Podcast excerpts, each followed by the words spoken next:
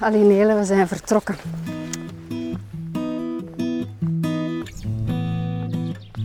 Hey, welkom bij een nieuwe episode van de podcast Brave New Human. Ik ben Ianka Vleerakkers, storytelling architect en speaker mentor bij de Thought Leaders Academy. In de zomer van 2020, toen de eerste golf van COVID-19 door de wereld is geraast, besloot ik tijdens een ochtendwandeling om drie dingen die ik al lang wou doen, gewoon te doen. Lange gesprekken voeren, aan de 100 kilometer van de dodentocht deelnemen en een podcast opnemen. Et voilà, hier zijn we. In deze podcast nemen we de tijd om te praten, de tijd om te luisteren en te wandelen. Ga je mee?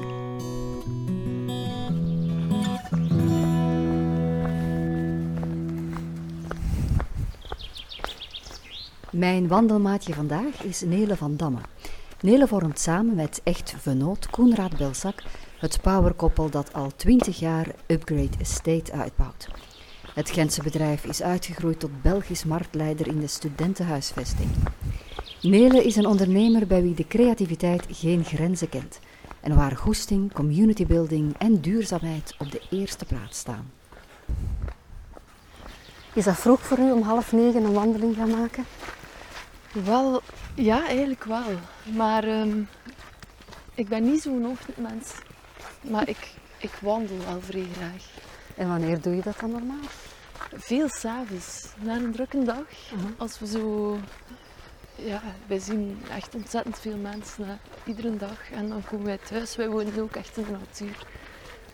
En dan om zo wat stoom af te laten, maken wij echt, ik denk toch wel drie keer per week s'avonds een wandeling. Ja? Ja. En, en een grote, of hoe moet ik mij dat dan voorstellen? Nee, zo geen 10 kilometer gelijk vandaag, maar toch wel ja, zo'n toerke van een half uur tot 40, 45 minuutjes. En dan kom ik helemaal tot rust. Dat is echt, ja, voor mij is dat, dat thuiskomen in die rust en, en in die natuur, dat, ik heb dat echt nodig. En dat doet je samen met Koenraad. Ja, ja. En dan praat je over het werk. Eh, niet altijd, maar ik ben wel eerlijk bekend dat dat wel vaak zo is. Maar dat is dan eerder, ja, goed, wij werken wel samen, maar wij, soms zien we elkaar een hele dag niet. Hè. En dan is dat gewoon een keer even delen van, wat heb jij uitgestoken vandaag? Dat is wel straf, hè? als je al twintig jaar hetzelfde bedrijf runt, dat je s'avonds kunt thuiskomen en vragen wat heb jij meegemaakt op je werk. Maar dat is echt waar, ja, dat, dat is zo. En weet je, we moeten ook wel een beetje zien dat, dat, we, dat we niet altijd alles aan de keukentafel bespreken, maar daarvoor hebben we natuurlijk ook drie kinderen. Ja, die, die dat tegenhouden. Die wijzen ons daar dan wel op, hè, van wil ze nu een keer stoppen. Maar ja, ik doe dat dan ook wel echt liever tijdens een wandeling dan... eh. Maar bon, ik... ehm, Ja, ik vind dat wel plezant. Dat is zo gewoon zo'n keer babbelen over de dag of... Ja. We hebben ook nog een formele vergadering hè, iedere week, maar... eh, Thuis, aan de nee, keukentafel. nee, nee, op bureau. Maar samen zo. Ja, Een- een- ja, met een agenda en al. Ja, ja. Is het echt? Ja. Zo een afspraak met de vernoot. ja met echt vernoot. Echt vernoot. Ja. Maar dat hebben we echt ingevoerd omdat we op den duur wel zoiets hadden, want nu zitten we echt wel een beetje te veel thuis ook nog. eh. En is de relatie tijdens die vergadering dan, dan anders? Gaat het dan formeler met elkaar Ja, ja, ja, ja toch wel. Ja, dat is zo. Ja, Hoe gaat dat dan? Vertel eens. eh, ik ben Koenraad, wat is dat dan? ah, dat is Koenraad. ah, heb nog altijd geen agenda gemaakt. Meestal maak ik wel een agenda of allee, vraag ik op voorhand van ja, wat wil je allemaal bespreken of zijn er belangrijke dingen. En dat is echt een, een meeting dat we hebben op bureau en een, in een eh, meetingruimte. En dan ja, overlopen wij verschillende puntjes die wij samen moeten bespreken. En dan komen wij echt wel in onze zakelijke modus. Maar tijdens ons managementteam overleg zijn wij ook twee individuen. Hè? Want vroeger vond ik dat wel soms ambetant. We waren zo als één gezien.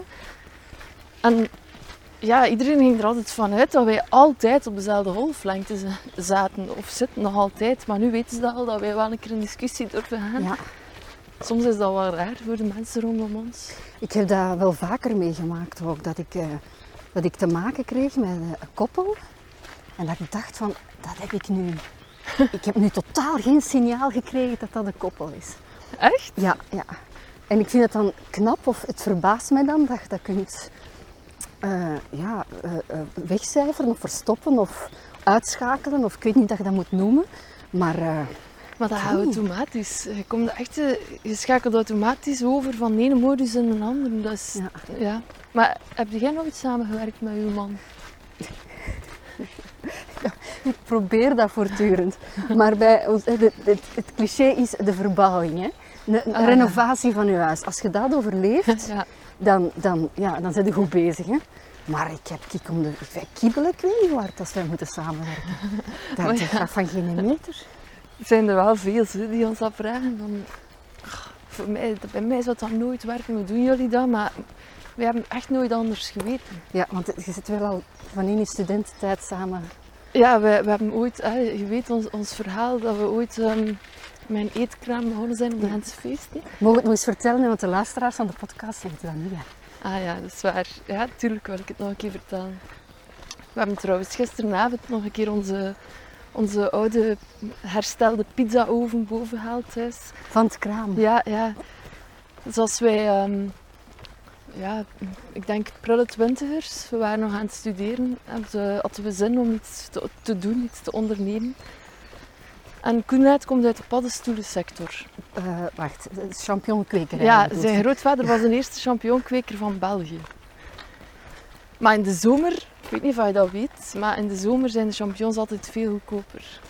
En eh, dus wij, wij dachten, maar ja, misschien moeten we daar iets mee doen. Eh, en toen hebben we ons geïnformeerd om op de Hens Feesten een eetstandje te huren. Om daar een gerecht te maken met die paddenstoelen. Om ze dan op de Hens Feesten te verkopen en dan toch iets meer te kunnen halen uit die paddenstoelen die anders goedkoop zijn. En we hadden eh, contact opgenomen met Trefpunt. Dat is de organisatie die... ehm ze kennen de Gentse feest? Ja, ja, de Gentse feesten die Ja. dit jaar niet doorgaan, Nee, denk ik. hè? helaas. Ja, nee. Nee. Dus eh, zij organiseren alles op Sint-Jacobs en het Bordelopark, Aha, Trefpunt. ja. Maar wij hadden echt weinig of geen geld. Ja, zo wat geld van wat jobstudenten, van vakantiejobs. En eh de standgeld was echt veel te veel. Dus wij gaan onderhandelen en wij zeggen van kijk, wij willen dat je drie dagen proberen en als dat goed gaat, dan willen we ehm, verlengen. Maar wij kunnen maar voor drie dagen betalen. En die mens zei, ja, het is goed. en zo eh, hebben wij ons dat geriskeerd. En zo kent dat, hè, thuis zo de gerechtjes voorbereiden. En we hadden zo een, een pizza-oven gemaakt. Met op steen. En ehm, zelf gelast en al. Dat is hier wel enorm schoon, hè? Daar is het eh, kasteel van, eh, van Born. Daar woont nog altijd een graaf. Amai, Ehm, die heeft hier vroeger met een koets door het dorp gereden. amai. En het domein is, is, is van hem. Eh, we zitten hier in een domein waar dat je ook reeën zult vinden. En eh, het schijnt ook dat er een vos moet zitten, maar die ben ik nog niet tegengekomen. Heb je geen kippen nu? Nee. Nee, maar zo... Allee, ik verschiet daar wel van hoe landelijk dat, dat hier is. Ik wist dat niet. Dat is een streek die ik niet zo goed ken. Ja, nogthans, je hebt hier de Schelden, hè? dus die loopt achter, Ja. het, ligt achter het kasteel. Die heel veel, eh, er zijn heel veel vissershuizen, die, huisjes die dat ehm graaf dan verpand. In pacht bedoel ik, eh, ge- Ja. eh, geeft. Eh, en dit is eigenlijk mijn favoriete wandelroute. Die doe ik op zaterdagochtend rond een uur of zeven in de zomer, hè, als het goed Ja. weer is. Amai, En die, dat is eh, prachtig. dat is de route dat we vandaag gaan En lopen. vogeltjes die ook al... Ja. Dus waar was ik gebleven? Ah ja, bij, de, bij de, van standgeld, ja. En ehm, ja, we waren, ik weet niet hoe onervaren, maar wel enorm gedreven. En we hebben wij, eh, we hebben wij dat gewoon gedaan. Hè. En, en al ons geld zat daarin. Dus dat was echt wel... hey, al ons geld, dat ging dan over... Ik denk, samen in Belgisch geld in 99. Samen hadden wij misschien 100.000 Belgische frank. Maar En, jullie eh, durfden op dat moment al dat, dat risico nemen. Terwijl dat je zelf een twintiger was, hè? Ja, ik? Ja, ik was 21? eh, 21 jaar. Oh my god. Goh ja, weet je wat het is? Hadden, het enige wat dat we konden verliezen was inderdaad dat geld. Maar dat vonden we op dat moment niet zo belangrijk. We wilden dat gewoon proberen. Dat is wel iets typisch Ik ga nu wel even de advocaat van een duivel spelen. Als je 21 bent en je hebt 100.000 euro. Frank. Frank, sorry, 100.000 frank. Wat, wat nu ook hè, nog altijd heel veel geld is. Om als 21-jarige in uw bezit te hebben. Ja, we je waren wel denkt met twee, hè? Ja, samen Ja. Oké, je waart de koppel. Ja, En je hoopt dat je dat als koppel overleeft. Anders Ja. heb je een ander probleem. klopt. Maar je durft dat risico nemen en je zegt... Dat geld is niet zo belangrijk voor ons. Wat voor een, wat voor een, eh, een mindset heb je dan op als 21-jarige? Want ik weet niet dat er veel rondlopen die zo'n risico zal durven nemen. Goh, vooral eigenlijk, hè, wa- wa- wat ik ik denk, na 20 jaar ondernemerschap, wij, onze gedrevenheid was altijd zodanig groot en, en we zijn ook wel bovengemiddeld ambitieus, Mhm. dat we eigenlijk van daaruit altijd vertrokken zijn en altijd met ingesteldheid, we gaan dat doen. Die can-do mentaliteit en niet Ja. zo alles wikken en wegen en hey, we wonen nog thuis en zo, dus ja, dat was een risico. Dat wij, allee, wij nemen geen onnozele risico's. Het zijn berekende risico's. Ja, voilà. Je wist, ik- we hebben een opvangnet en de wereld gaat niet vergaan als we dat niet uitproberen. Nee, en we hadden een worst case scenario uitgewerkt en allee, ja goed. Ja. Hij verkoopt altijd wel iets natuurlijk. Hè. Ja. En eh, na drie dagen ja, vonden wij eigenlijk van ja, dat gaat hier gelijk wel goed. Eh, zo hier en daar wat, wat aanpassen aan het concept natuurlijk. Met wat jobstudenten ook. Wat dat we toen ook geen ervaring in hadden. Hè. Als 21-jarige een team aansturen. Ja. En dan hebben wij verlengd. En eh, dat was eigenlijk de start we hebben daar toen wel, niet, ik weet niet hoeveel aan overgehouden, maar toch wel wat centen aan overgehouden. Het jaar nadien terug. En dan hadden we het al wat efficiënter gemaakt en wat uitgepuurd. En kraam- was uw echt kraam ook supergoed. was schoon. Ja, ja, ja, ja, echt. Echt niet te doen. Dat eerste, dat eerste jaar was... Oh, Ken dat zo van die houten kisten met jute, jute daarop met duimspijkers? Zo, zo, dat je achteraf denkt, hoe hebben wij hier in godsnaam kunnen verkopen en winst maken? Zo. Ja. Ja, het klassieke garageverhaal van de start-up, maar dan met een eetkraam eigenlijk. Ja. En eh, het jaar nadien, dan, dan was het echt... Er waren toen ook veel meer activiteiten. We stonden in het Barlooppark in Gent. En dan was dat echt boomen, hè, jong. Echt, we wisten niet wat er gebeurde. Maar dat is wel, daar hebben we toen wel de basis gelegd voor wat we vandaag doen. Omdat we dan met die centen eigenlijk een lening aangegaan zijn om een, eh, een eerste huis te kopen in Gent. En daar hebben we dan zes studentenkamers van gemaakt. En waarom vond je op dat moment dat vastgoed dat dat een interessant concept was en dat dat, eh, dat, dat eh, ja, duurzamer is om daarin te, in te investeren? Goh, dat is eigenlijk wel meegegeven van, ehm, van thuis uit. Mijn ouders die, ehm, die hebben eigenlijk eh, twee carrières gehad. Die zijn ook zelfstandig. Die zijn altijd bloemist geweest. Maar daar was er ook echt niks mee te verdienen. De vergankelijkheid van de Ja, producten. een levend product ook. Ja. En die hebben eigenlijk op hun veertigste een, eh, een totale switch gemaakt. En die zijn een ander bedrijf begonnen, iets in de grafische sector. En toen zijn zij eigenlijk wel wat centen beginnen verdienen. En zij hebben dat toen ook geïnvesteerd in, ehm, in een keer... het- Hetgeen waar dat ik het meest geleerd heb, is toch in dat eetkraam. Op die Gentse feesten. En ik heb dat... Ik heb het gisteravond nog aan iemand gezegd. Mijn ultieme setting voor een sollicitatie Aha.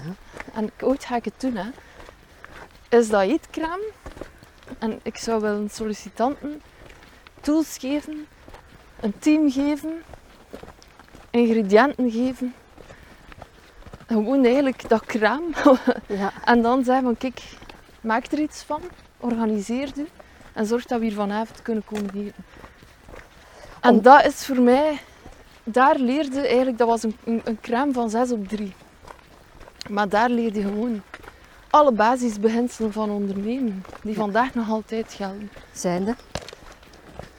Eh, klantvriendelijkheid. Wij Ja. wilden de vriendelijkste stand van Gentse feesten zijn. En we hebben daar eh, ooit een erkenning voor gekregen. Kijk, een kikker. Ik, daar gaan we een foto van trekken. Hè. We hebben toch al één dier gezien. Ja, De kikker. Voilà. Geregistreerd. ik was er bijna op gestapt. dus ah, wij wilden de vriendelijkste stand van Gentse feesten zijn. Dus klantvriendelijkheid is echt super belangrijk.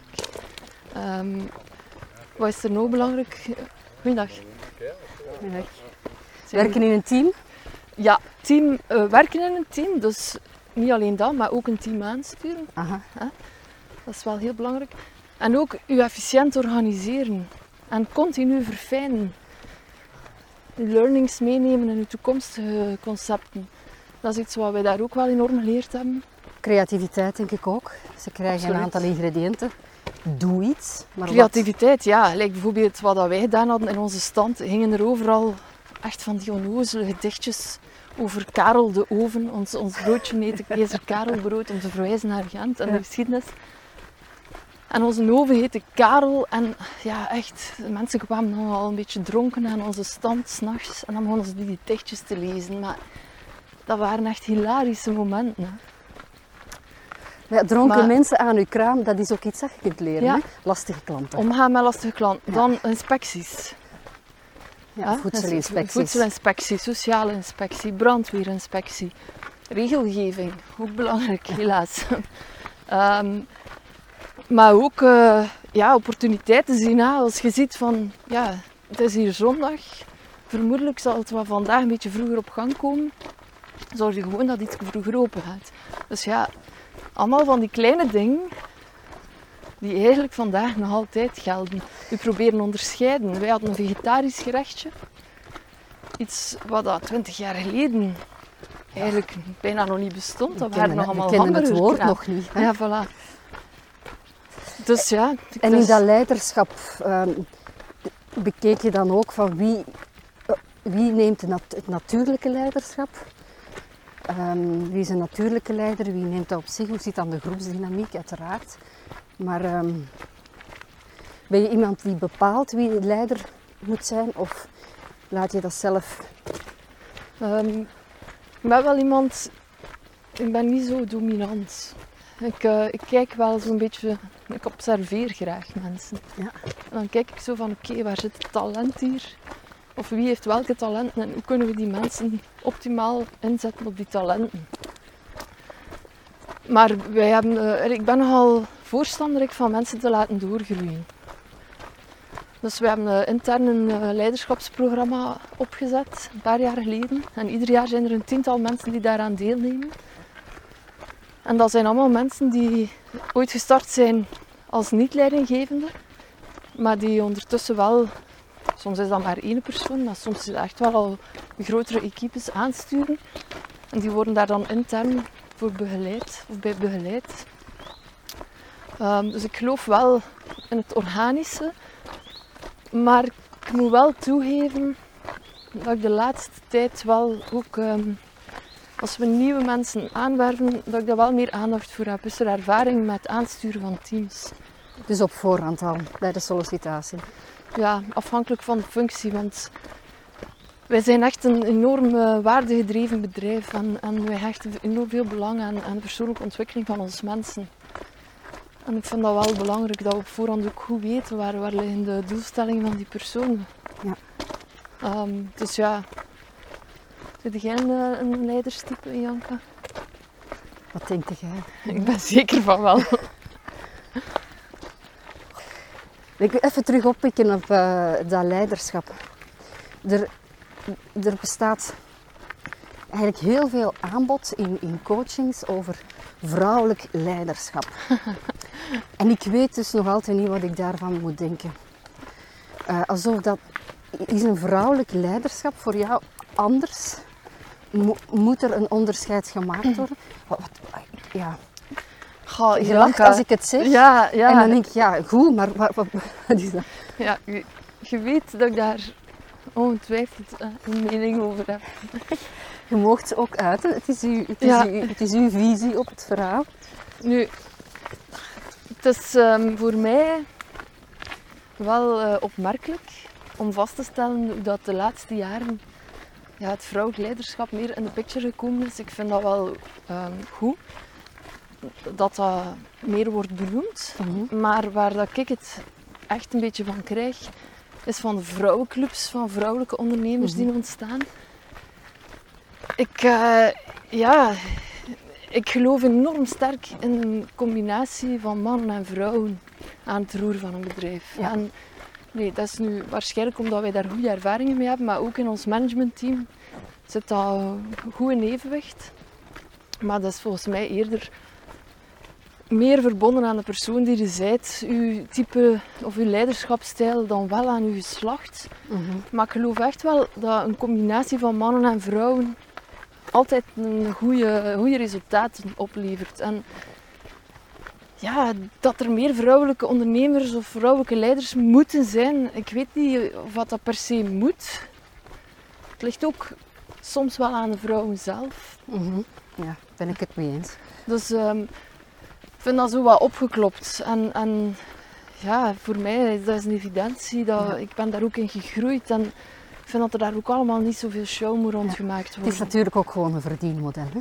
Het, is een goed- het, het, het verkoopt goed. Hè? Ja, maar wat je dan eigenlijk voortdurend tegenkomt, is dat op een duur... Ik, ik zou iedere week in een raad van bestuur kunnen gaan, want ja, ze hebben vrouwen nodig. Maar dan heb ik zoiets van, kies mij misschien maar gewoon om wie dat ik ben en niet omdat Ja. ik een vrouw ben. Hè. Ja. Dus dat, dat groeit scheef en dat kan toch ook echt niet de bedoeling zijn. Hè? Nee. nee, daar eh, heb ik ook mijn deel van gehad. Dan eh, word ik gevraagd als spreker waarom dat ze toch een vrouw nodig hebben. En ik, en ik ben dan zo iemand die dan zegt, ah, dat is daarom. Ja, nee, dan doe ik het niet. Dus zo, zo principieel kan ik dan Ja, zijn. Hè. Maar dat En is, ik dacht, toch, allee, schiet toch ook niet in uw eigen voet. dat is toch te Maar- gek gewoon? Of, Maar- of ze zetten mij als moderator om er toch iets van vrouwelijkheid op dat ja. podium te hebben, omdat al de rest mannen is. Ja. Ehm, ja, Maar je moet ook weten, allee, wij- zitten niet in een specifieke sector, want wij zijn nogal veelzijdig als bedrijf. Hè, dus, maar Ja. een van de dingen die we doen natuurlijk is bouwen. Ja, dat is natuurlijk een vrij traditionele mannenwereld. Hoewel bij ons, in onze afdeling ehm, bouwcoördinatie, zitten er denk ik meer vrouwen dan mannen. Maar eh, dat is een wereld waar dat als vrouw ook gewoon geskipt wordt. Hè? ja. dat is niet te doen. Als er zo'n keer een, een, een, evenement is of ja, het een of het ander dat te maken heeft met een bouw. Dat gebeurt dus vandaag nog altijd. Maar dan dat mensen je... Koenraad een hand geven en mij Ja. niet. Hè. Ja. Allee, nu mogen ze niet. Maar is- Nee, maar wat dat je vertelt heb ik vorige week nog eh, meegemaakt. Niet in de bouw, in de IT. Net hetzelfde. De IT-sector is ook vaak heel eh, mannelijk. En eh er was een, een koppel die een bedrijf runde. En ze, er werd altijd naar de man gesproken. En de vrouw Ja. stond daar van... Zij deed wel meer een deel van het werk en, en runde eigenlijk de zaak. Maar alle blikken gingen naar de man. Een tijdje geleden ging ik, eh, nog voor corona, ging ik kijken naar een nieuwe wagen. Echt waar. Ik, ben, ik stond naast mijn man. Die verkoper keek alleen mijn man aan. Mijn man heeft toen op een gegeven moment mij vastgepakt en hij zei, ik ga naar de andere kant, naar, naar een andere kant verschuiven. Misschien dat die blikrichting dan naar u valt. Nee, nee, die blikrichting van die verkoper ging opnieuw naar mijn man. Ja. En dan is mijn man moeten beginnen zeggen, het is niet mijn wagen, het is die voor mijn vrouw. Werkte niet. En Dus- ik heb moeten zeggen van, eh, ik ga de rekening betalen. Het is mijn wagen. Het, het werkte niet. Ongelooflijk. Maar dan begrijp je toch van, er is er iets... Ja, Hoe maar- komt het dat we op dat moment dat leiderschap niet kunnen nemen? Dat we niet... Dat we niet dan moet er toch iets zijn dat... Dat, Maar ik denk dat om te beginnen een slechte verkoper had hebt. Want dat is een jonge gast. die zou moeten weten, Echt, echt als, die, als een vrouw die een auto niet schoon vindt of niet, Ja. dan gaat de man hem ook sowieso niet kopen. Plus, ik had een intakegesprek vooraf gehad. Hè. ik had een hele Ja. vragenlijst moeten beantwoorden. Dus ze wisten dat, dat ik degene was die de koper ging zijn. Maar die clichés, die, die, ja, dat, is, dat is echt overduidelijk. Die, die bestaan nog altijd. En ik, ehm, ik ben wel gestopt met, dat- met daarin op te jagen. Ik vind het soms op duur wel grappig nu. Maar Koenraad vindt dat, ik weet niet hoe vervelend. Want hij zegt soms van, maar allee, dat is echt wel onbeleefd soms. Ja. En dat, maar goed, allee, het is nu niet iets waar ik echt van wakker lig. Maar het stel dat wel vast. Maar ik vind ook, allee, al dat gedoe rond vrouwelijk ondernemerschap, ik vind het positief, maar dan dat in de kijker gezet wordt, maar het is genoeg nu. Ja. En ik, wil, allee, ik vind wel, moest- moesten sommige bedrijven met een mannelijke CEO een keer nadenken om een co-CEO-schap te doen, met Mhm. een vrouw en een man, dan denk ik wel dat er het een en het ander zou bewegen. Ja. Dat geloof ik wel. Ja. Ja, het is een, in het onderwijs heb je een beetje een gelijkaardig probleem. Hè? Je hebt zonen, ik heb een dochter en een zoon. Ah, je hebt ook een dochter, Ja, ja, waar, ja. ja. Ehm, het merendeel van de leerkrachten is eh, vrouwelijk. Ja. Ehm, alleen in het middelbaar kom je vaker mannen tegen. Ja. Mijn zoon heeft het daar heel, heel moeilijk mee. Omdat hij, ja, de, de vrouwen gaan, de leerkracht, vrouwelijke leerkrachten, gaan anders om met de, met de jongens. Het, eh, het, ehm, het doen, het durven, het wilde bras, het niet kunnen stilzitten, Ja. wordt, wordt eh, eh, ja, als lastig ervaren. Terwijl de mannelijke leerkrachten daar beter mee om kunnen, want die herkennen zichzelf in hun gedrag.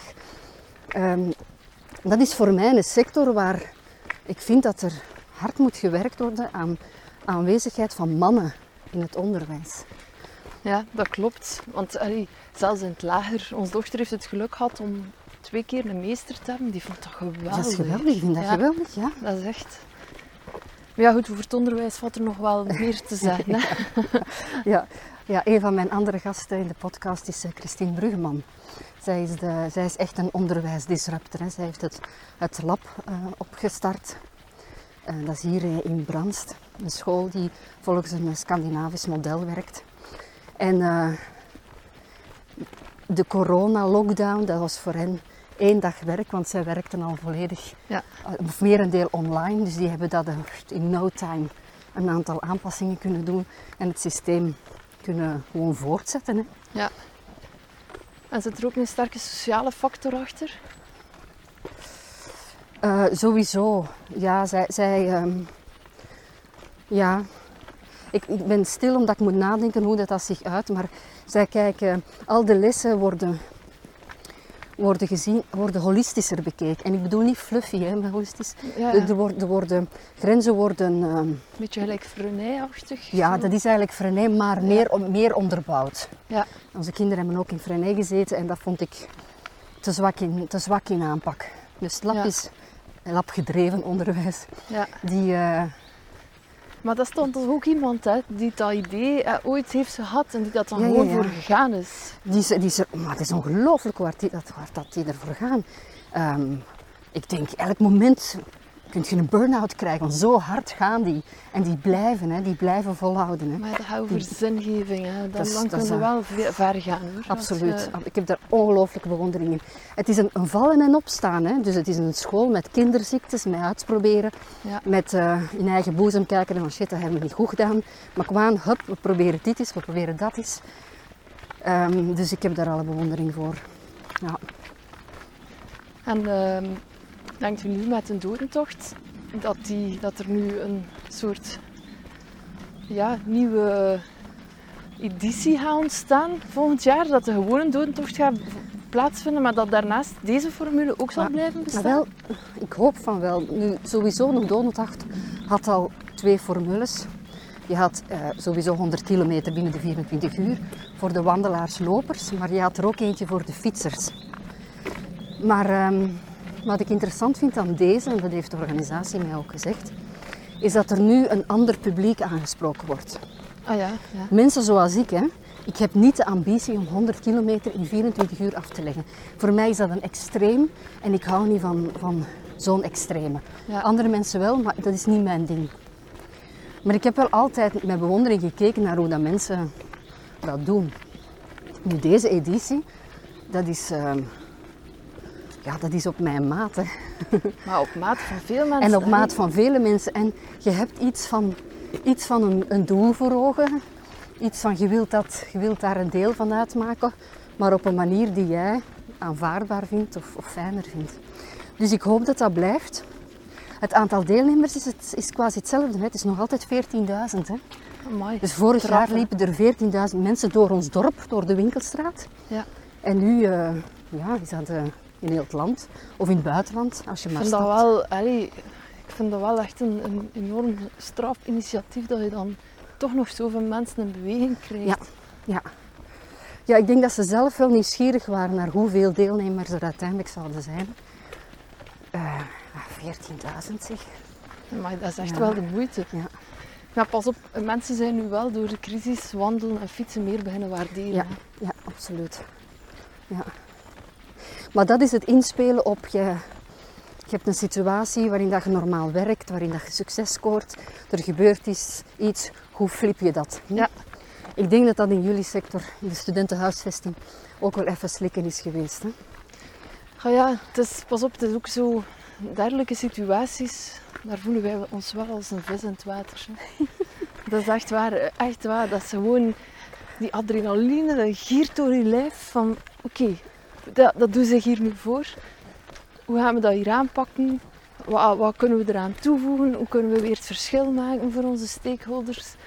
En dan erin vliegen hè? en iedereen enthousiasmeren. Ik vind dat fantastisch. En concreet, hoe, hoe zag het er dan bij jullie uit in Gent? Eh, wel, het was eigenlijk... allee, we zijn in zeven stieren actief. Hè? Dus ehm, eigenlijk...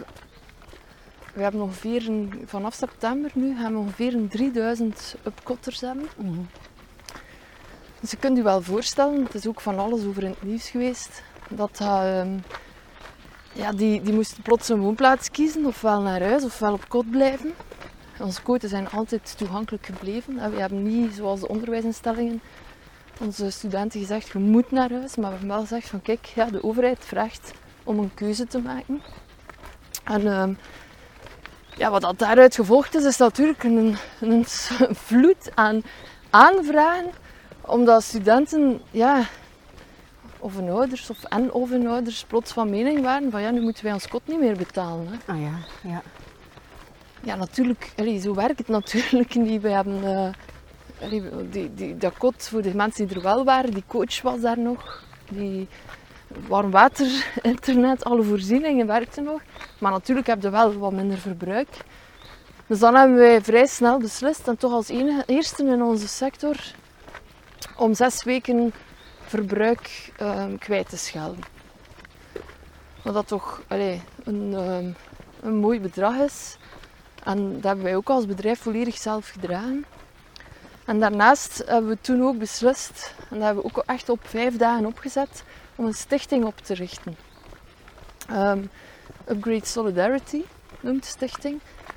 En daar hebben wij eigenlijk ehm, ja, de studenten die het echt moeilijk hebben, of die, die bijvoorbeeld een, als werkstudent een job kwijt waren, wiens ouders eh, bijvoorbeeld ehm, ja, winkel hadden. Ja, ook. Of eh, een, een, eh, kinderen van zelfstandige ouders die plots geen inkomen niet meer hadden. Mensen die een winkel hadden. Ja. Maar ook kinderen van mensen die allebei technisch werkloos zijn geweest. En voor die gevallen hebben we tot, tot 90% van de huur tussengekomen door die stichting.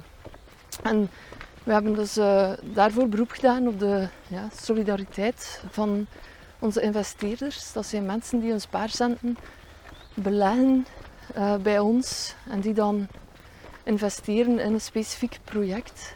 Ehm, en dan hebben wij echt eh, een oproep gedaan van kijk, nu willen we bijdragen aan onze stichting om de meest kwetsbare huurders te helpen. Wij hebben als bedrijf ons verantwoordelijkheid genomen door iedereen die zes weken verbruik kwijt te schelden. Maar we vinden wel dat die echte kwetsbare studenten zijn die we nu wel echt iets meer moeten helpen. En we hebben daar echt eh, heel veel mooie reacties op gekregen. En zo hebben wij toch echt wel, ik denk, misschien in totaal al tegen de 20.000 euro huur ehm, ja, eh, kwijtgescholden. Of, Ja. En kon je die snel in kaart brengen, die kwetsbare studenten? Wel, we hebben daar een aantal criteria voor opgesteld, want er is ook wel veel geprofiteerd Ah ja, natuurlijk. Hè. Als je het hoort dat er allee, ja, zelfstandigen die een factuur later uitschrijven om, om zogezegd geen inkomen te ja, dat is echt niet fair. Hè. Dat doe je gewoon niet. Hè. Ehm, dus we hebben wel een aantal criteria opgesteld. Ehm, en dat begon al eigenlijk bij de onderwijsinstelling, dus eh, met, beursstudenten. Dus dat was een eerste criterium. Moest beursstudent zijn. Ehm, dan weet al van oké, dat is al via een officiële weg gegaan. Dat zijn doorgaans al de studenten die niet zo makkelijk hebben. Ehm, en dan moest je gewoon aan de hand van een aantal officiële documenten kunnen aantonen dat je ouders een premie gekregen hebben of technisch werkloos geweest zijn gedurende een bepaalde tijd. En dat, allee, we hebben dat echt wel goed kunnen nagaan. En, Ja. en dat vind ik wel als bedrijf dat je daar dan wel echt een meerwaarde kunnen betekenen. En wij hebben dat kunnen doen. Ons, er was ruimte in ons hoofd om dergelijke initiatieven te doen, om de eenvoudige reden dat wij ook al enorm digitaal bezig waren. En dat wij eigenlijk ook echt op twee dagen tijd alles geswitcht hebben en daar niet te veel stress van gehad hebben. En daardoor hebben we op on- ons echt op onze missie kunnen focussen. Ja. En dat is die sociale impact maken. Ja. ja, die missie is sowieso al bij jullie heel duidelijk gedefinieerd. En wordt heel hard gedragen door iedereen. Dus dat is iets waar dat je direct op kan terugvallen. Hè? Ja, voilà. En ja, als je voortdurend brandjes moet blussen, of, of dan, dan heb je geen tijd om, om daar rustig mee bezig te zijn. En dat is echt iets. en We hebben, we hebben dan ook een platform ontwikkeld, een digitaal platform. Want wa- wat stelden we vast? Heel veel ehm kandidaat-huurders, we deden dan al onze rondleidingen virtueel, die, ehm, die wisten nog niet echt waar ze gingen studeren, omdat de opendeurdagen niet meer doorgingen. Ja. En dan zijn wij beginnen denken, en dat denken gaat dan natuurlijk super snel als je een beetje ambitie hebt. Oké, hoe kunnen wij er nu voor zorgen dat die zesdejaars leerlingen toch aan info geraken? Ah man, Dat zijn is dat kijk, hier? die reigers. Zie, kijk, kijk, twee reigers. Oh, maar zo zijn s- echte, hè? moet kijken naar Of die staart. Dat zijn het echte. Denk dat dat gewoon Oh beelden nee, oh nee. Dat, kan, dat zijn beelden, dat kan Dat zijn niet. beelden. Wacht, kan ik je testen? Ja, jongens. ik dacht in de staart, dat, is, dat kan niet. Ik wil beestjes zien. Oh nee. Alleen nog maar een kikker gezien. Oh boy.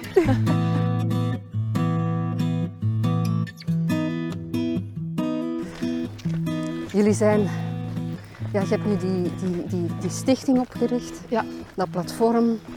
Jullie hebben Upcot, waarin dat je werkt met studenten, maar eigenlijk je ook met investeerders aantrekt. Een heel ander ehm, businessmodel ontwikkeld om ehm, studentenquoten te gaan verhuren slash kopen. Hè. Dus, maar dat stopt het niet bij. Hè. Het is Upliving ook nog. Ja. Dus eh, Upgrade Academy. Ja, Ehm, ja, dat wordt, dat wordt ingewikkeld voor een buitenstaander. Hè. dat is, ja, dat is waar. Dat is wel een uitdaging voor ons om, om duidelijk te blijven communiceren. Maar het is eigenlijk niet zo moeilijk hoor. Het is allemaal vrij logisch ontstaan. Hè? Ja. Dus studenten die dan enkele jaren bij ons zitten, die dan afstuderen, die, ehm, ja, die vroegen vaak aan ons, ja, we willen eigenlijk wel blijven. Want ons, ons concept met onze coaches, dat ken je. Hè? Ja, Die, die, ja, die vinden dat wel leuk dat er activiteiten zijn en dat er toch zo iemand is die, ja, waar als ze beroep kunnen op doen voor van alles. Ook als ze het een keer moeilijk hebben. En ja, de wetgeving laat dat niet toe als student eh, of als niet-student om in een studentenhuisvesting te verblijven. En dat is ook logisch, want het is een ander levensritme. Iemand die werkt, die tussen de studenten zit, dat is niet zo optimaal. Dus is het concept op Upliving ontstaan en dat is eh, een vervolg op Upcot. En ehm, je kunt dus eigenlijk doorgroeien als afgestudeerde Upcotter naar je volgende woonvorm. En dat is dan eh, in een appartement in een stad, dicht bij openbaar vervoer, bij groen, een eigen terras, een gemeenschappelijke tuin. En ook ruimte om ofwel levenslang te leren, ofwel van thuis uit te werken. En dat Ja. was eigenlijk al voor corona. ja kan je dat zeggen. Ja. Dat is na corona nu niet. Nee, nee, dat was al voor corona. Dus eigenlijk waren wij op dat vlak misschien ja, een beetje visionair, als je het zo straf mocht uitdrukken. Maar eh, ja, we hebben echt beslist om, om... Iedereen zegt, ja, we moeten kleiner gaan wonen. En, maar wij hebben daar marktonderzoek rond gedaan. En blijkbaar blijven wij toch nog altijd Belgen. Maar jonge mensen hebben wel nood aan ruimte. Het moet natuurlijk betaalbaar zijn. Mhm. Maar door alle nieuwe samenwoonvormen is het ook wel betaalbaarder of haalbaarder. Hè? Ja. Dus ehm, bij Upliving kan je met, kan, alleen, maar ook met twee of met drie eh young professionals of jonge werkende starters samenwonen. Ehm, ja, in een inspirerende omgeving met gelijkgezinden in het gebouw. Ehm, er is ook een Upliving coach. Dus dat is eigenlijk een vrij logisch vervolg van op kot. Het, het zijn wel eh, twee pijlers die voor jullie belangrijk zijn. Hè? Ik hoor voortdurend in je verhaal van community, eh, sociaal netwerk, samen zijn. Ehm, en dan eh, ja, met, met Upcot heb je ook het hele duurzaamheidsverhaal. Hè? Ja. Dat jullie opstarten en heel consequent mee aan de slag gaan. Ehm, ja, je bent ooit met veggie-burgers begonnen, dus Ja, dus dat zat er misschien al vroeger in. Maar van waar die inzichten dat je daarop moet focussen? Want dat is niet altijd de focus geweest van, van ondernemers, pakweg tien jaar geleden of zo. nee, dat is Wa- waar. waarom zit dat er bij jullie zo hard in? Maar Naar de scouts geweest vroeger? de KSA, de KSA, KSA. ik ben een KSA'er. Ja, eh, maar maakt niet echt uit. Ehm, dat, is eigenlijk- dat is vooral, dat komt wel voort uit, uit onze persoonlijkheid en ook weer vanuit die drang om meerwaarde te betekenen. Maar niet alleen voor iedereen die met ons in contact komt, maar ook voor, eh, voor de planeet, bij wijze van spreken. Dus wij hebben tien jaar geleden een afzonderlijke afdeling opgericht, Limoen Groen. En ehm, we hebben zelfs een duurzaamheidsmascotte. Een, een kip, de kotkip. Er zitten echte kippen in al onze projecten. Dus eh, de studenten kunnen een, een organisch afval aan de kippen geven en 's morgens verse eitjes rapen. Als ze thuiskomen of als ze vertrekken. Ehm, Het zijn ook sociale wezens, die kippen. Je kunt Ja, er al een ja. keer mee babbelen. Hè? Maar echt, hè? Ja, ja, maar die krijgen ook altijd een naam en zo. Ah, en er wordt daar heel veel zorg voor gedragen. En, ehm, maar met Limoen Groen, we nemen dat echt wel serieus. We gaan daar ook super ver in. We, we, we voorzien heel veel groene technieken in onze gebouwen. Wat een enorme uitdaging is, want er komen iedere dag nieuwe technieken bij. Maar het grote Ja. probleem is dat er no- nog niet genoeg mensen zijn die het onderhoud kunnen doen van die nieuwe technieken, want ze, ze kennen ze niet. Dus er zijn daar heel veel uitdagingen op dat vlak. Maar we hebben dat wel, allee, we hebben al veel leergeld betaald, maar we geloven daar echt super hard in. In die mate dat we nu zelfs tijdens de corona twee of drie, drie denk ik, extra mensen hebben aangeworven, specifiek nog bij Limoen Groen, om nog meer te gaan ja, monitoren. We gaan nu een controlekamer maken. En we willen eigenlijk op termijn een soort gamification doen Mhm. tussen onze gebouwen. Zodanig dat studenten live hun verbruik zien en dan ze ja, reward worden als ze minder verbruiken dan andere gebouwen. Dat is iets waar we nu over nadenken. En ja, je weet, als wij over iets, over iets nadenken, dat dat er meestal ook wel komt. Maar dat- speelse zit er toch wel altijd in bij jullie, hè? Ah Ja, dat maakt het ook wel leuk voor onszelf. Hè. Ja.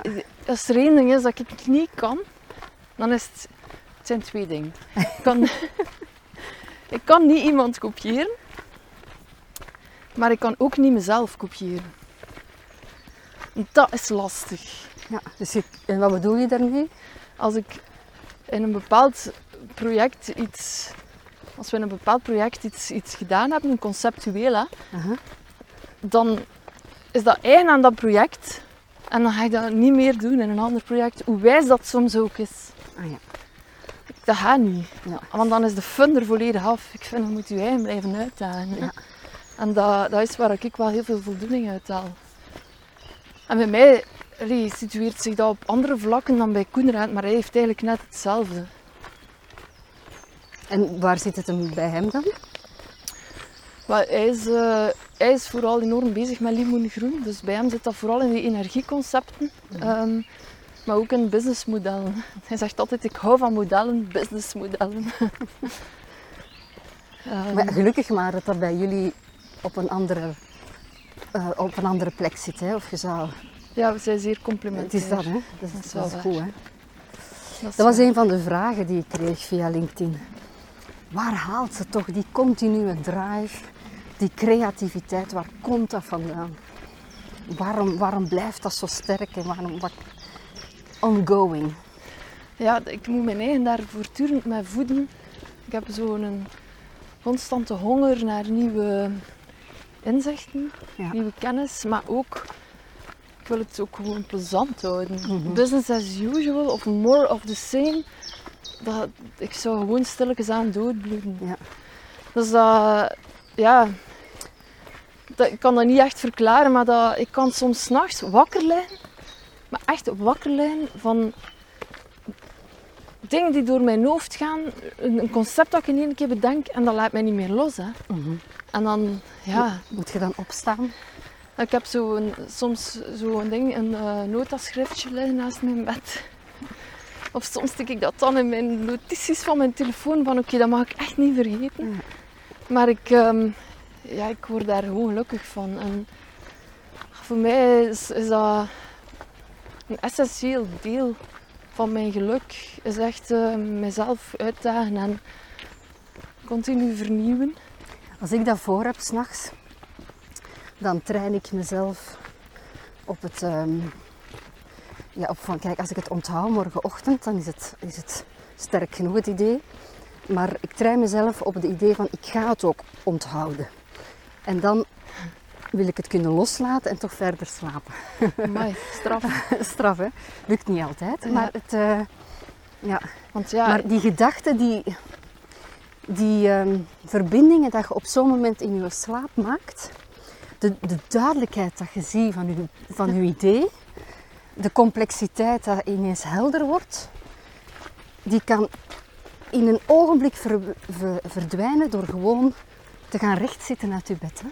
Echt? Heb je dat? Bij mij wel. Dat kan ineens zo weg zijn. Die helderheid, dat, ehm, je, hebt dat niet blijkbaar. Ah, nee. nee. Ik heb dat niet. Maar Nee. ja, maar je hebt toch ook voortdurend nieuwe ideeën. Het is, eh, het is, het is ehm, ja, Allee, gelijk nu, ik vind, ik, ik- toen, dat je- toen dat we ons laatste telefoongesprek over vandaag, heb ik het ook al gezegd, maar ik vind, ik vind dat echt een ongelooflijk fijn eh, concept. En volgens mij gaan er u dan nog veel nadoen. nee, het, is, het, is heel, het is heel simpel. Hè. Het, het, eh, ja, het, het wandelen en een, goed gesprek voeren, dat hebben nog mensen. Ik vind wat ik doe nu eigenlijk niet zo, dat is niet origineel. Hè. Maar je hebt er wel iets aan toegevoegd. Maar ik heb, er, ja, ik heb het gekoppeld aan de dodentocht. Aan, en eh, aan een podcast. aan de podcast. En eh, ja, Peter Hinze zei dat qua timing is dit, is dit geweldig. Ja, het heet dan ook de dodentocht na corona. Je kan dat... Allee, ja, we spreken dan nog af aan een triagecentrum. Nee, het is een combinatie van dingen. Maar eigenlijk is dit idee gewoon ontstaan toen ik op een zaterdagochtend om 7 uur door de dreef van daarnet wandelde. En ik dacht eh, aan de gesprekken die ik met Koen had, hè, de, de trekker nu, de verkenner voor ons. ja. Eh, en ik denk van, goh, het is zo fijn om een goed gesprek te hebben terwijl gewandeld. En eh, tegen zondagavond was alles in kannen en kruiken. en ben ik meter van de dodentocht geworden. Dus dat is ineens heel snel gegaan. En ik heb, dat is... Ja, Is dat niet fantastisch? Dat is je denkt ik iets kies- ja. en een paar dagen later is dat al Is dat realiteit. realiteit. Dat is toch Ja, geweldig. en, dan, en nog een paar dagen later denk ik van, oh shit. Maar dan, heb- dan heb je toch ook gigantisch veel daadkracht. Eh, ja, Ehm, maar die gaat niet tot in de volledige uitvoering met momenten. Dus ik, Ja, ben geen afwerker. geen nachtwerker. Moet ook allemaal niet te lang duren. En, en dat komt denk ik omdat ik, ik ben ongelooflijk sterk in het visualiseren. Ja. Dus deze podcast, die tien afleveringen, ik heb die al allemaal gedaan in mijn hoofd. Ja, En dan is, een dan, beeldvormer. ja, dan, is, dan, is voor mij, dan is voor mij dat verhaal al bijna af. Ja. Ehm, Natuurlijk, wat dat er gezegd wordt, dat kunnen we niet altijd voorspellen. Nee, nee, nee, nee, nee. nee. En ehm, ik moet mijzelf continu tegenhouden van ideeën te, te creëren. Sounds Ehm, familiar. Ja. En, en daarom, ja, het is belangrijk dat je voor jezelf de, de ruimte, de omstandigheden kan creëren waarin dat je ze kan uitvoeren. En dat heb jij meer dan ik. Hè. Je hebt meer de, de, Ja, de, de omgeving gecreëerd. Hè. Ja, dat is waar. Eh, eh, Toen wij pas begonnen, deden wij alles zelf. Ja. Hè? Tot het verbouwen van de studentenkamers toe. Ehm, maar dat maakt ook dat we nu wel heel goed weten waarover dat we spreken. En Mhm. ja, dat is wel een enorm voordeel van de groei.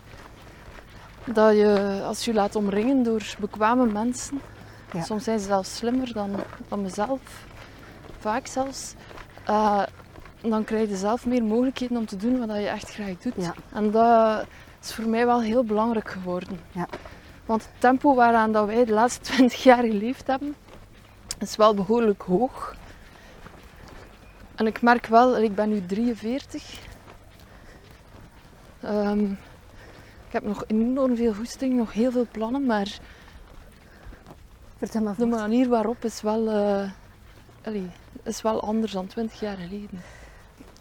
Ik, ik, ik, ik ben heel benieuwd, Janka, naar, naar de dynamieken die nu gaan ontstaan. Niet Ja. alleen in het bedrijfsleven, maar ook sociaal. Zijn- De, de kloof tussen arm en rijk wordt ook groter. Misschien valt dat in België nog mee, maar ik, ik, ik weet ook niet of dat zo, dat, wat er, zoals sommigen beweren, of alles nu definitief zal blijven, hè, het volledig digitaal werken. Ik denk dat persoonlijk niet.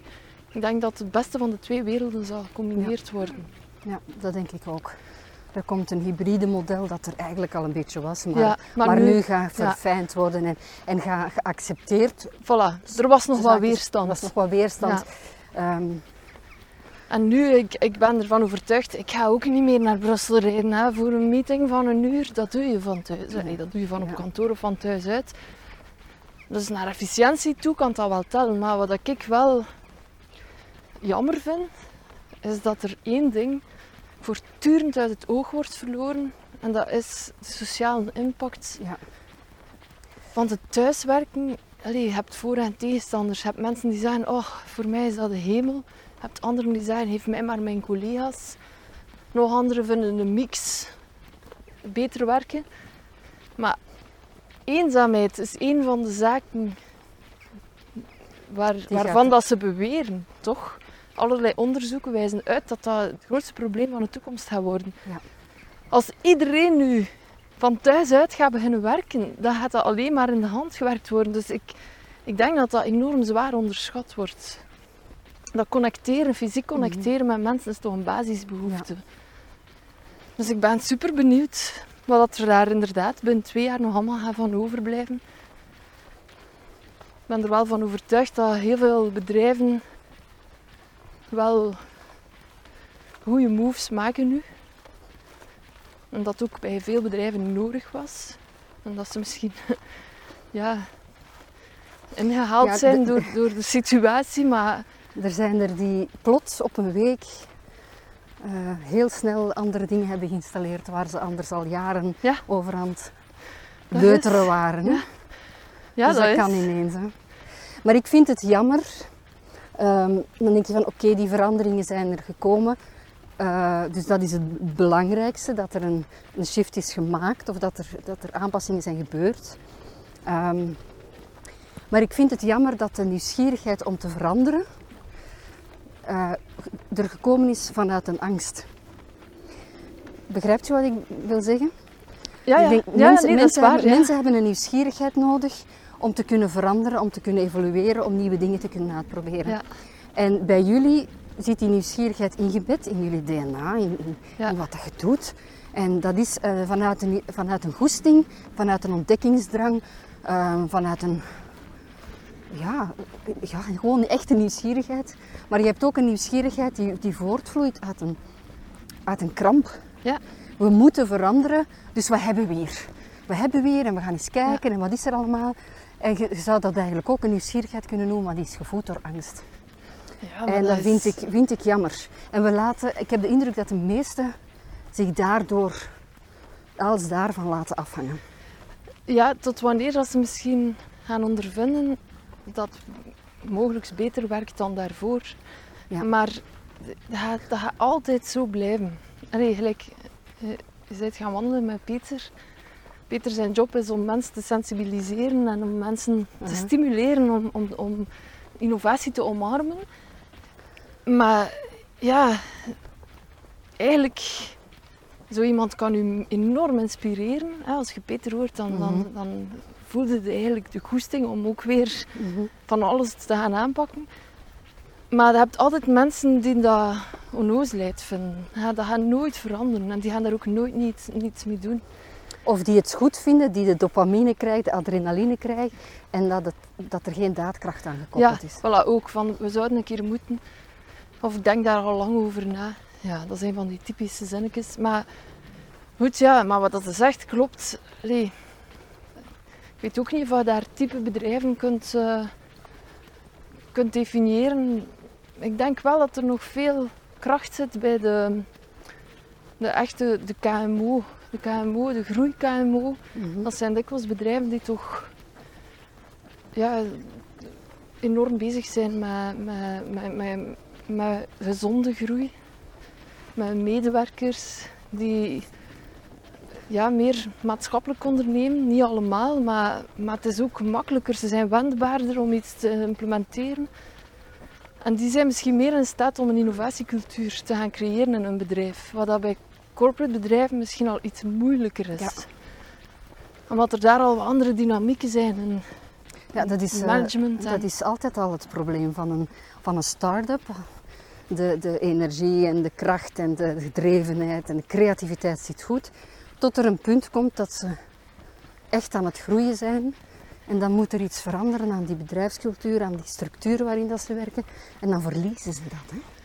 Maar ja, maar dat is toch niet moeilijk? Allee, kijk, wij vandaag de dag, jonge mensen die wikken en wegen en wikken en wegen.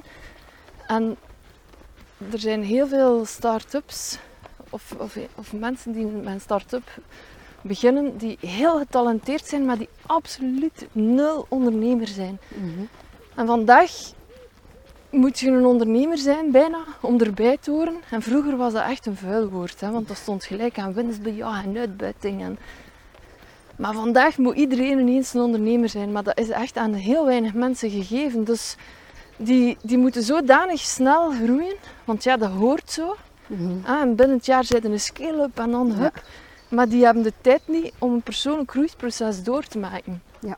En sommige dingen moeten gewoon zelf ondervinden om een volgende stap te kunnen zetten. En ja, bij ons is dat misschien heel traag gegaan.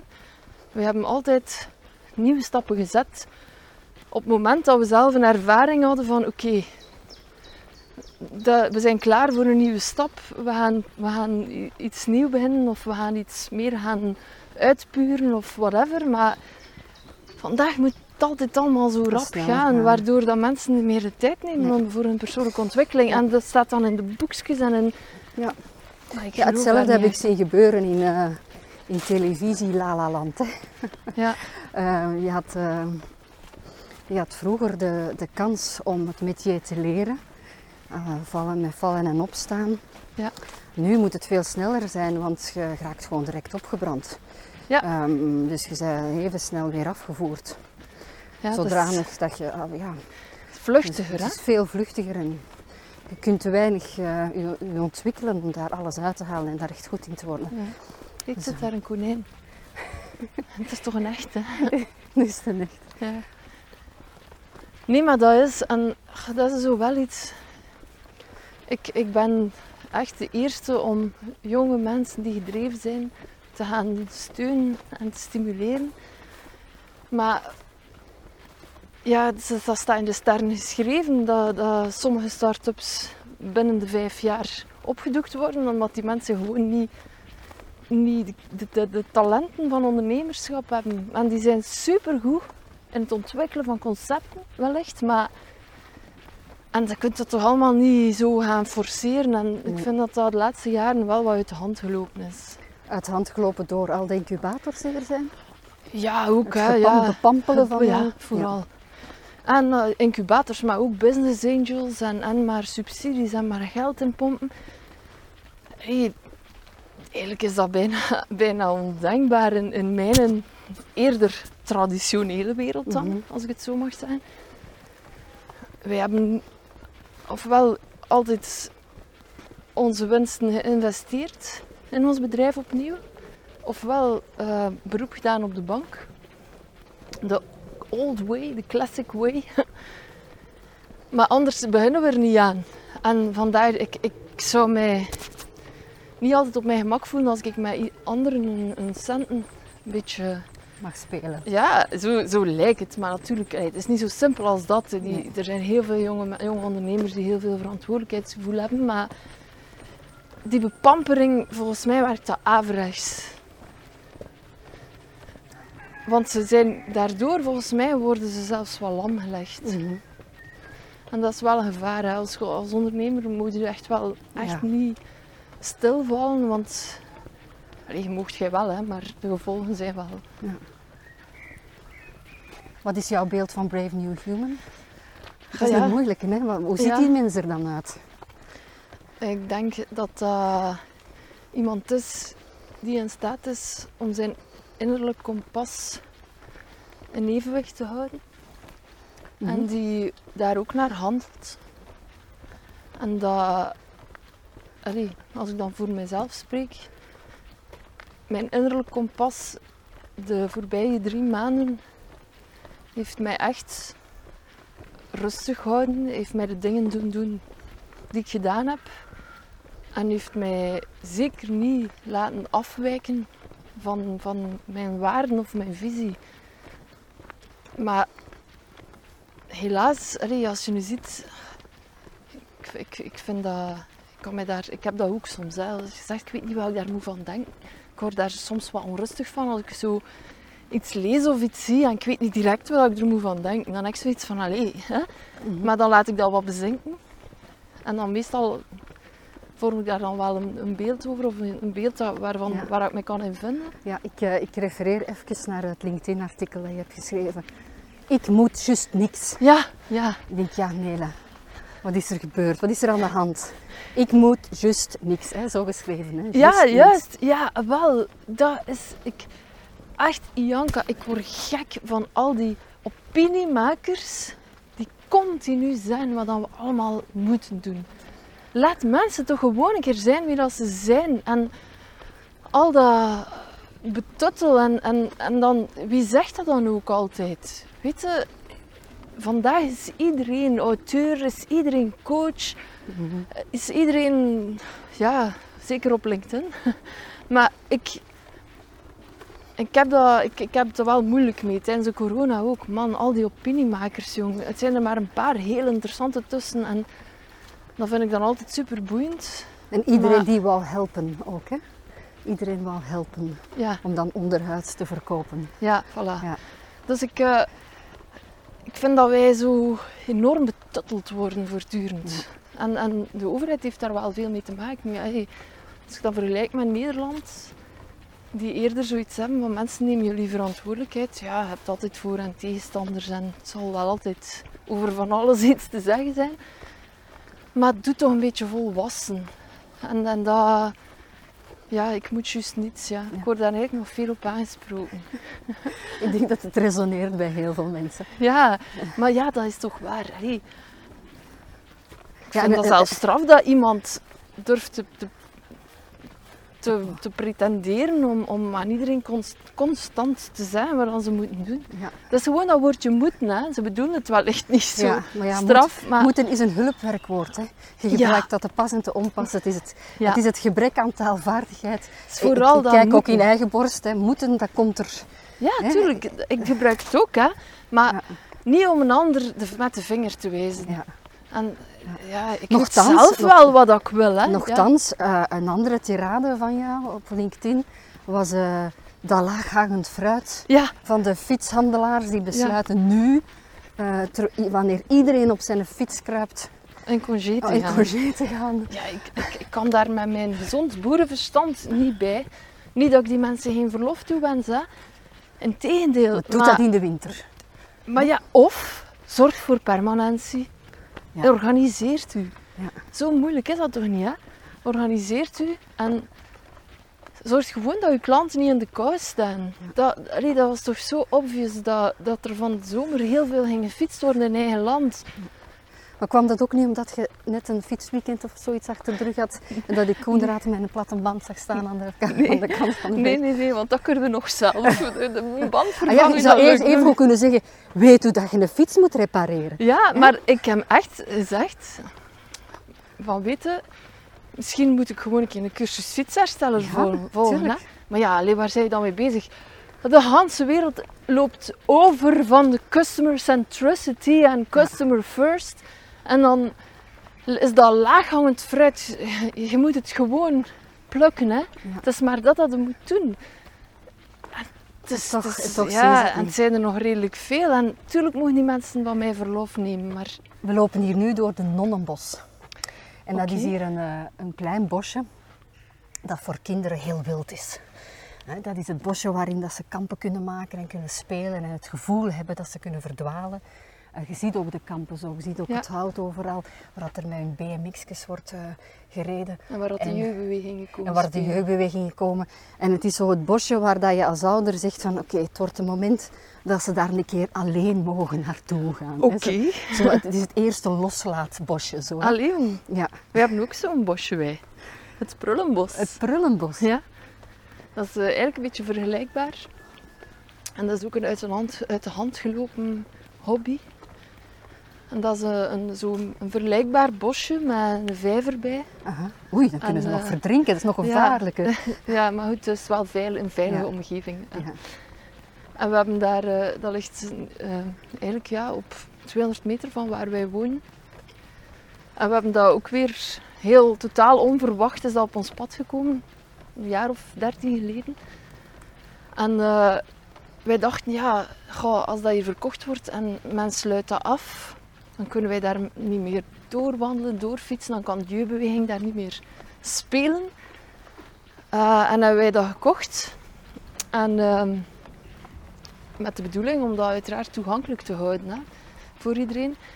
En we hebben daar dan een, eh, een herberg opgebouwd.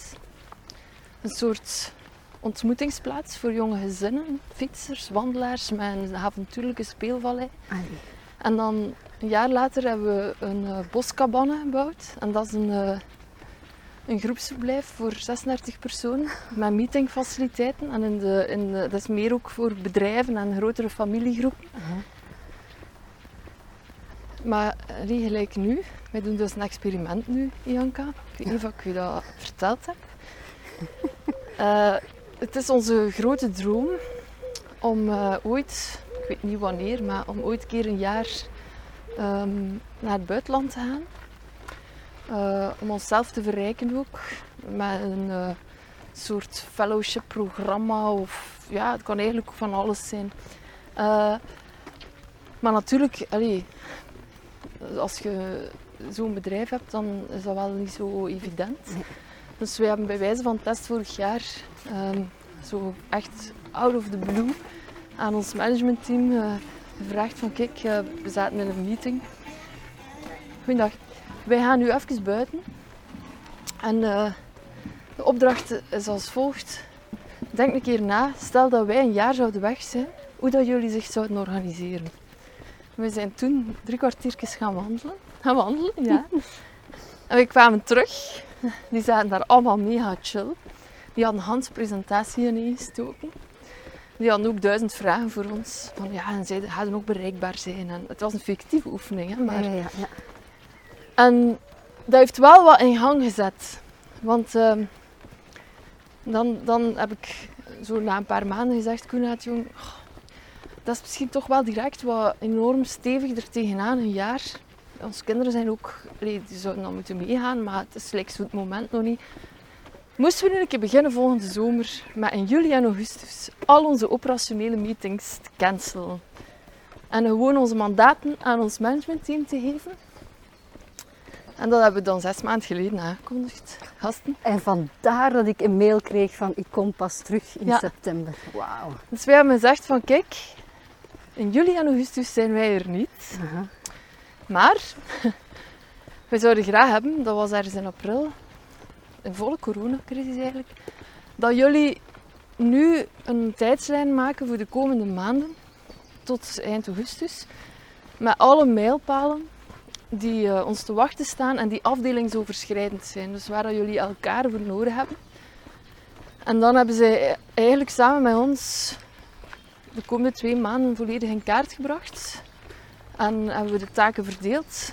En hebben we hen gevraagd, en bij welke beslissingen eh heb je ons nodig? Voelden jullie beter als je ons even kunt bellen? En bij welke beslissingen zei je van nee, laat mij maar doen.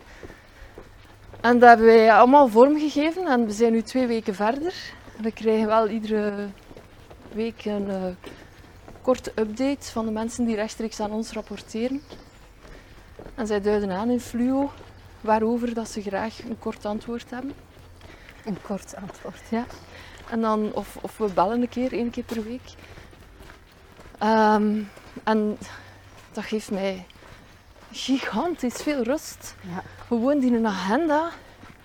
Die, allez, ik word de komende twee maanden niet geleefd, maar ik, ik kan mijn eigen tempo, mijn eigen ja, activiteiten gewoon zelf gaan bepalen, omdat mijn agenda niet, ja. omdat die leeg is. En dat is en, fantastisch.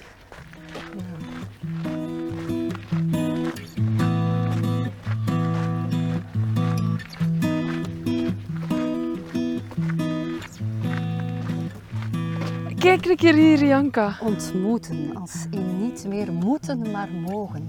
Hier dat staat speciaal voor mij.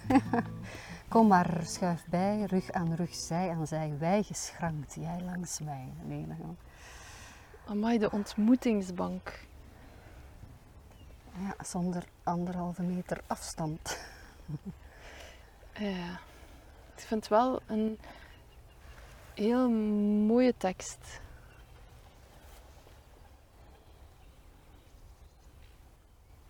Dus eigenlijk moet het ontmogen zijn. Hè? Ontmogen, ja. En nee, nee, nee, ontstreepje moeten. Ja. Mooi. Tof. Ja, ja.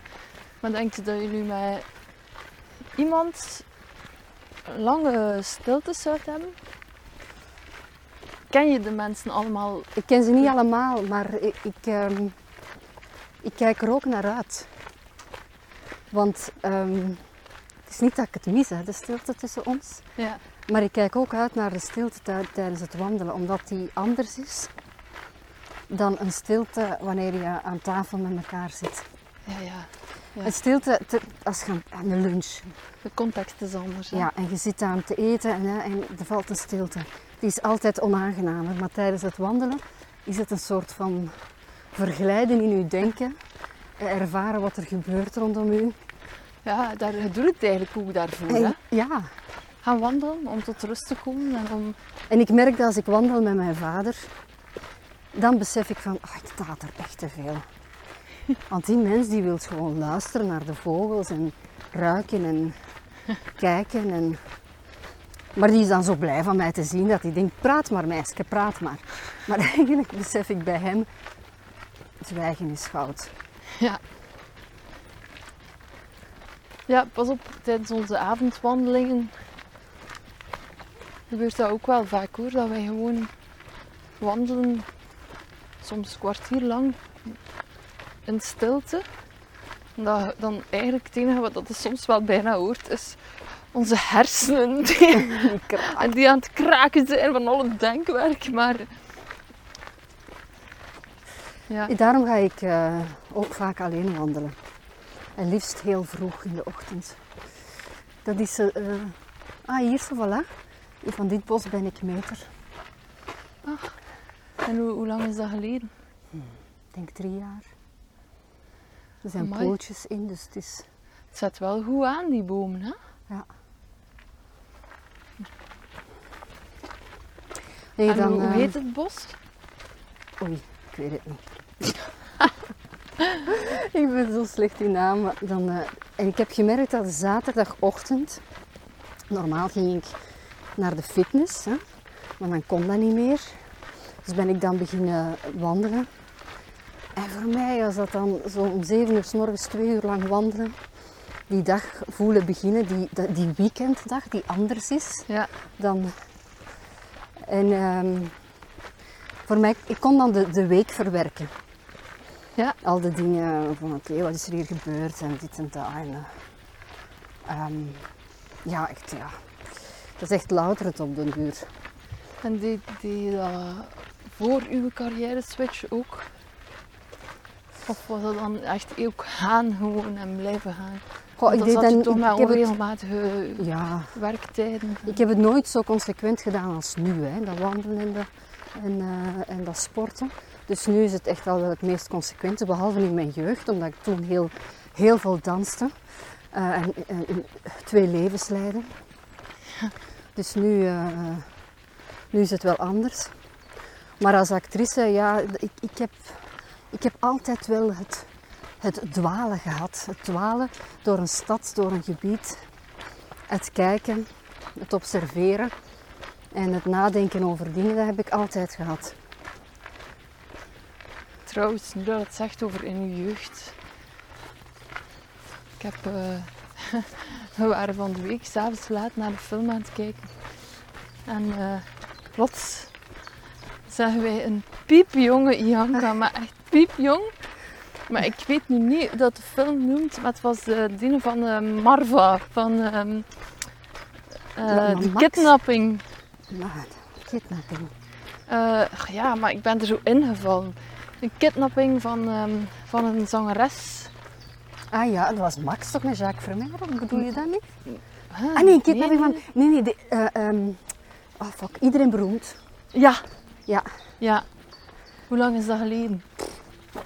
ik weet het niet meer. I know. Tegenwoordig moet ik alles 20 jaar oud noemen, denk ik, wat maar echt, maar betreft. je, wa- je was echt piepjong. Ja, ik was een twintiger, hè. Ja. Ja. Ik vond die opname verschrikkelijk.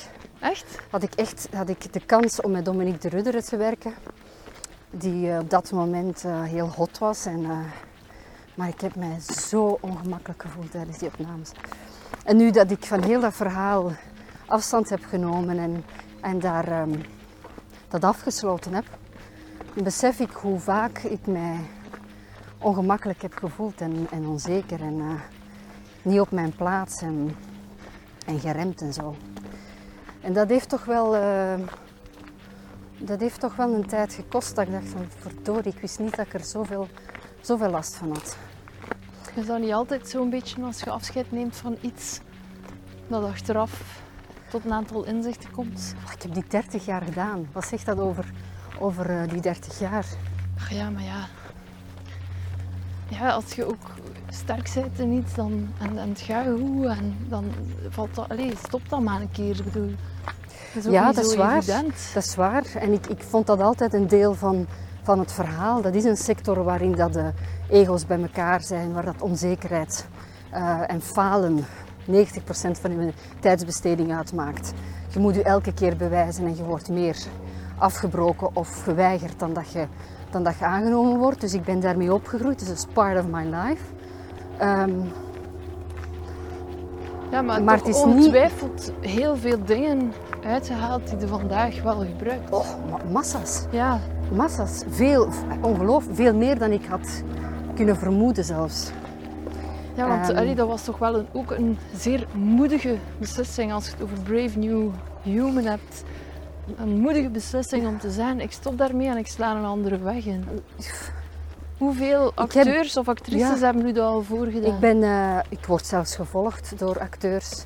eh, en ik krijg berichten van acteurs die, die zeggen van hoe, hoe, hoe, doet jij dat? U zo, zo, ehm, zo pivoteren en zo.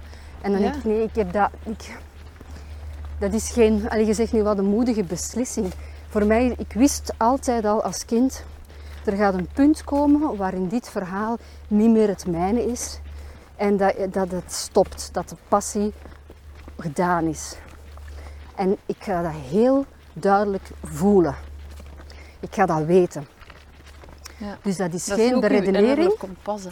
Dat is geen beredenering, dat is geen timing. Nee, dat is gewoon een gevoel. Heb je dat nu ook? En ik heb wat dat- je vandaag doet? Eh, met wat ik nu doe, dit verhaal is nog niet klaar. Eh, ik voel nog altijd dat er iets zit, dat, ik, ehm, dat er iets zit dat er nog zeker uit moet komen. Ehm, ja, er, er is nog van alles te, te ontginnen. Ja, dat is, nog niet, dat is nog niet klaar. Het is nog niet Ja, mijn doel. Of mijn, zo. Ja, maar je kunt zo denken van, bij Upgrade Estate, dat is uw phone, dat, daar willen we voor staan. En dan kun je beginnen groeien en, en da, da, da, da.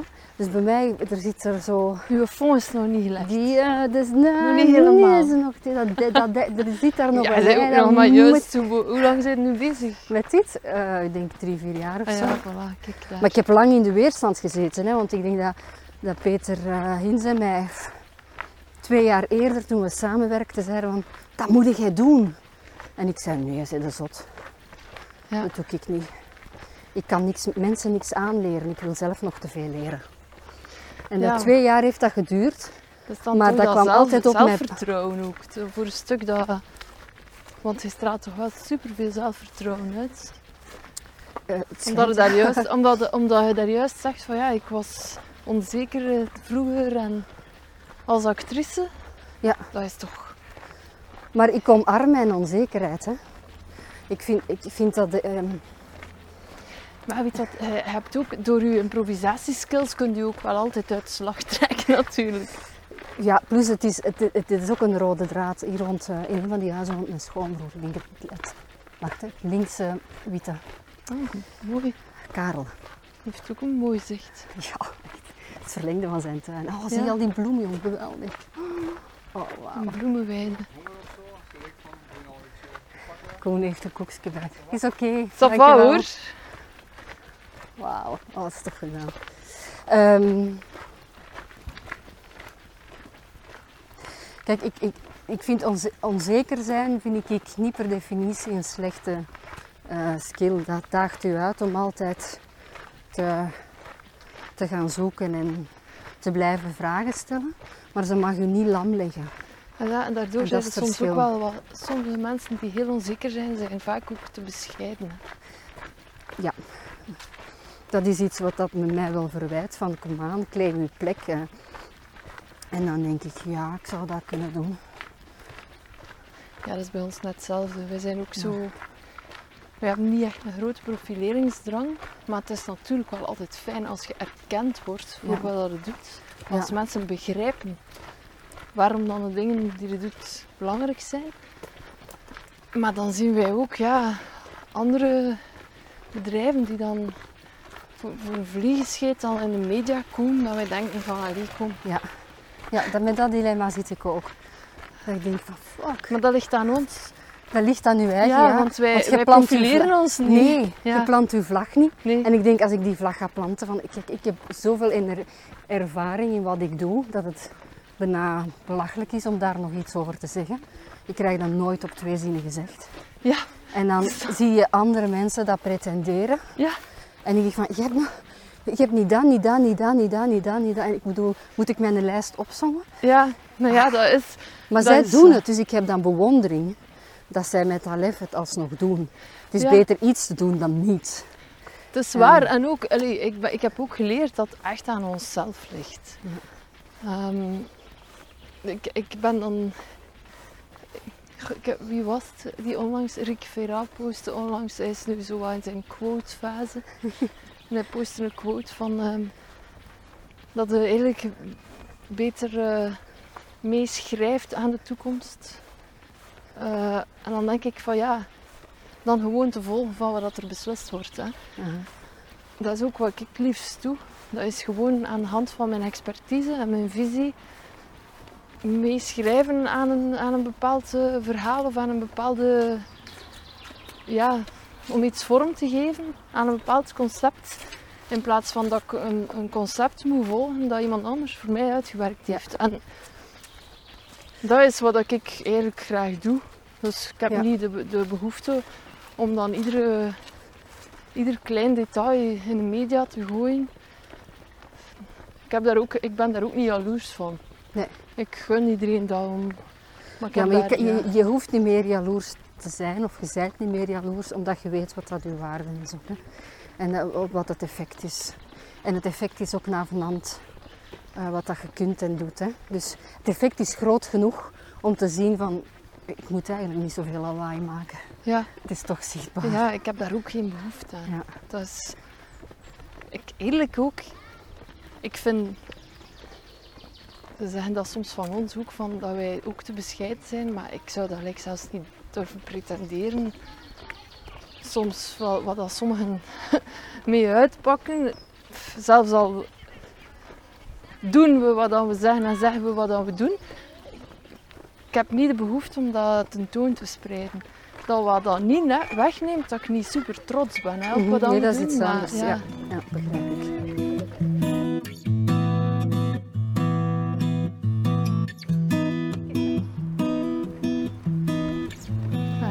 Terug in de bewoonde wereld. Ja. Het is eigenlijk nog best wel warm. Ja, het is, ik ben nu ook wel aan het puffen. En je hebt je vestje nog altijd aan. Ja. maar ja, ik mag ehm zoiets, allee, als ik van hier kom. Het is woensdagmiddag en ehm, op woensdagmiddag gaan wij al 22 jaar met eh, het eh, ganse gezin frietjes eten bij mijn ouders. Allee, Dus met mijn, mijn broer en zijn kinderen en dan eh, mijn zus. En zo is al 22 jaar dat mijn mama frieten bakt. geweldig. Ofwel met balletjes in de tomatensaus, ofwel met mosseltjes. En dus er mag gebeuren wat dat er wil. Maar de woensdagmiddag tussen 12 en 2 weet iedereen bij ons in het bedrijf dat ze geen afspraken mogen plannen. Al 22 jaar lang. Zalig. Ja. Dus jij weet dat je ze biedt gewoon Ja, en dat aan is. tafel mocht Ja, schuiven. en dat komen. is, veel mensen hebben zo traditie om op zondag samen te komen. Maar mijn ouders zijn zelf ook echt heel sociaal. En die, die, dat zijn echte levensgenieters. En die, eh, dat is echt wel een voorbeeld voor mij. En die, die zijn ook vaak weg in het weekend. En die willen ons dat eigenlijk ook niet aandoen. Om ieder weekend de verplichting te hebben van naar uw ouders te gaan. Ja. Want zo, nee, dat is eigenlijk wel een beetje erg dat ik dat zo verwoord, maar voor sommige mensen voelt dat zo aan. Mhm. En die hebben dat eigenlijk zo opgelost. En dat betekent ook dat die kleinkinderen super hecht zijn. Dus die komen allemaal super goed overeen. En dat is ook echt omdat die iedere woensdag al Hans hun leven hun neefjes en nichtjes zien. En als ze klein waren, dan bleven ze daar dikwijls dan nog voor de rest van de ja. woensdag namiddag plakken. Hè. Maar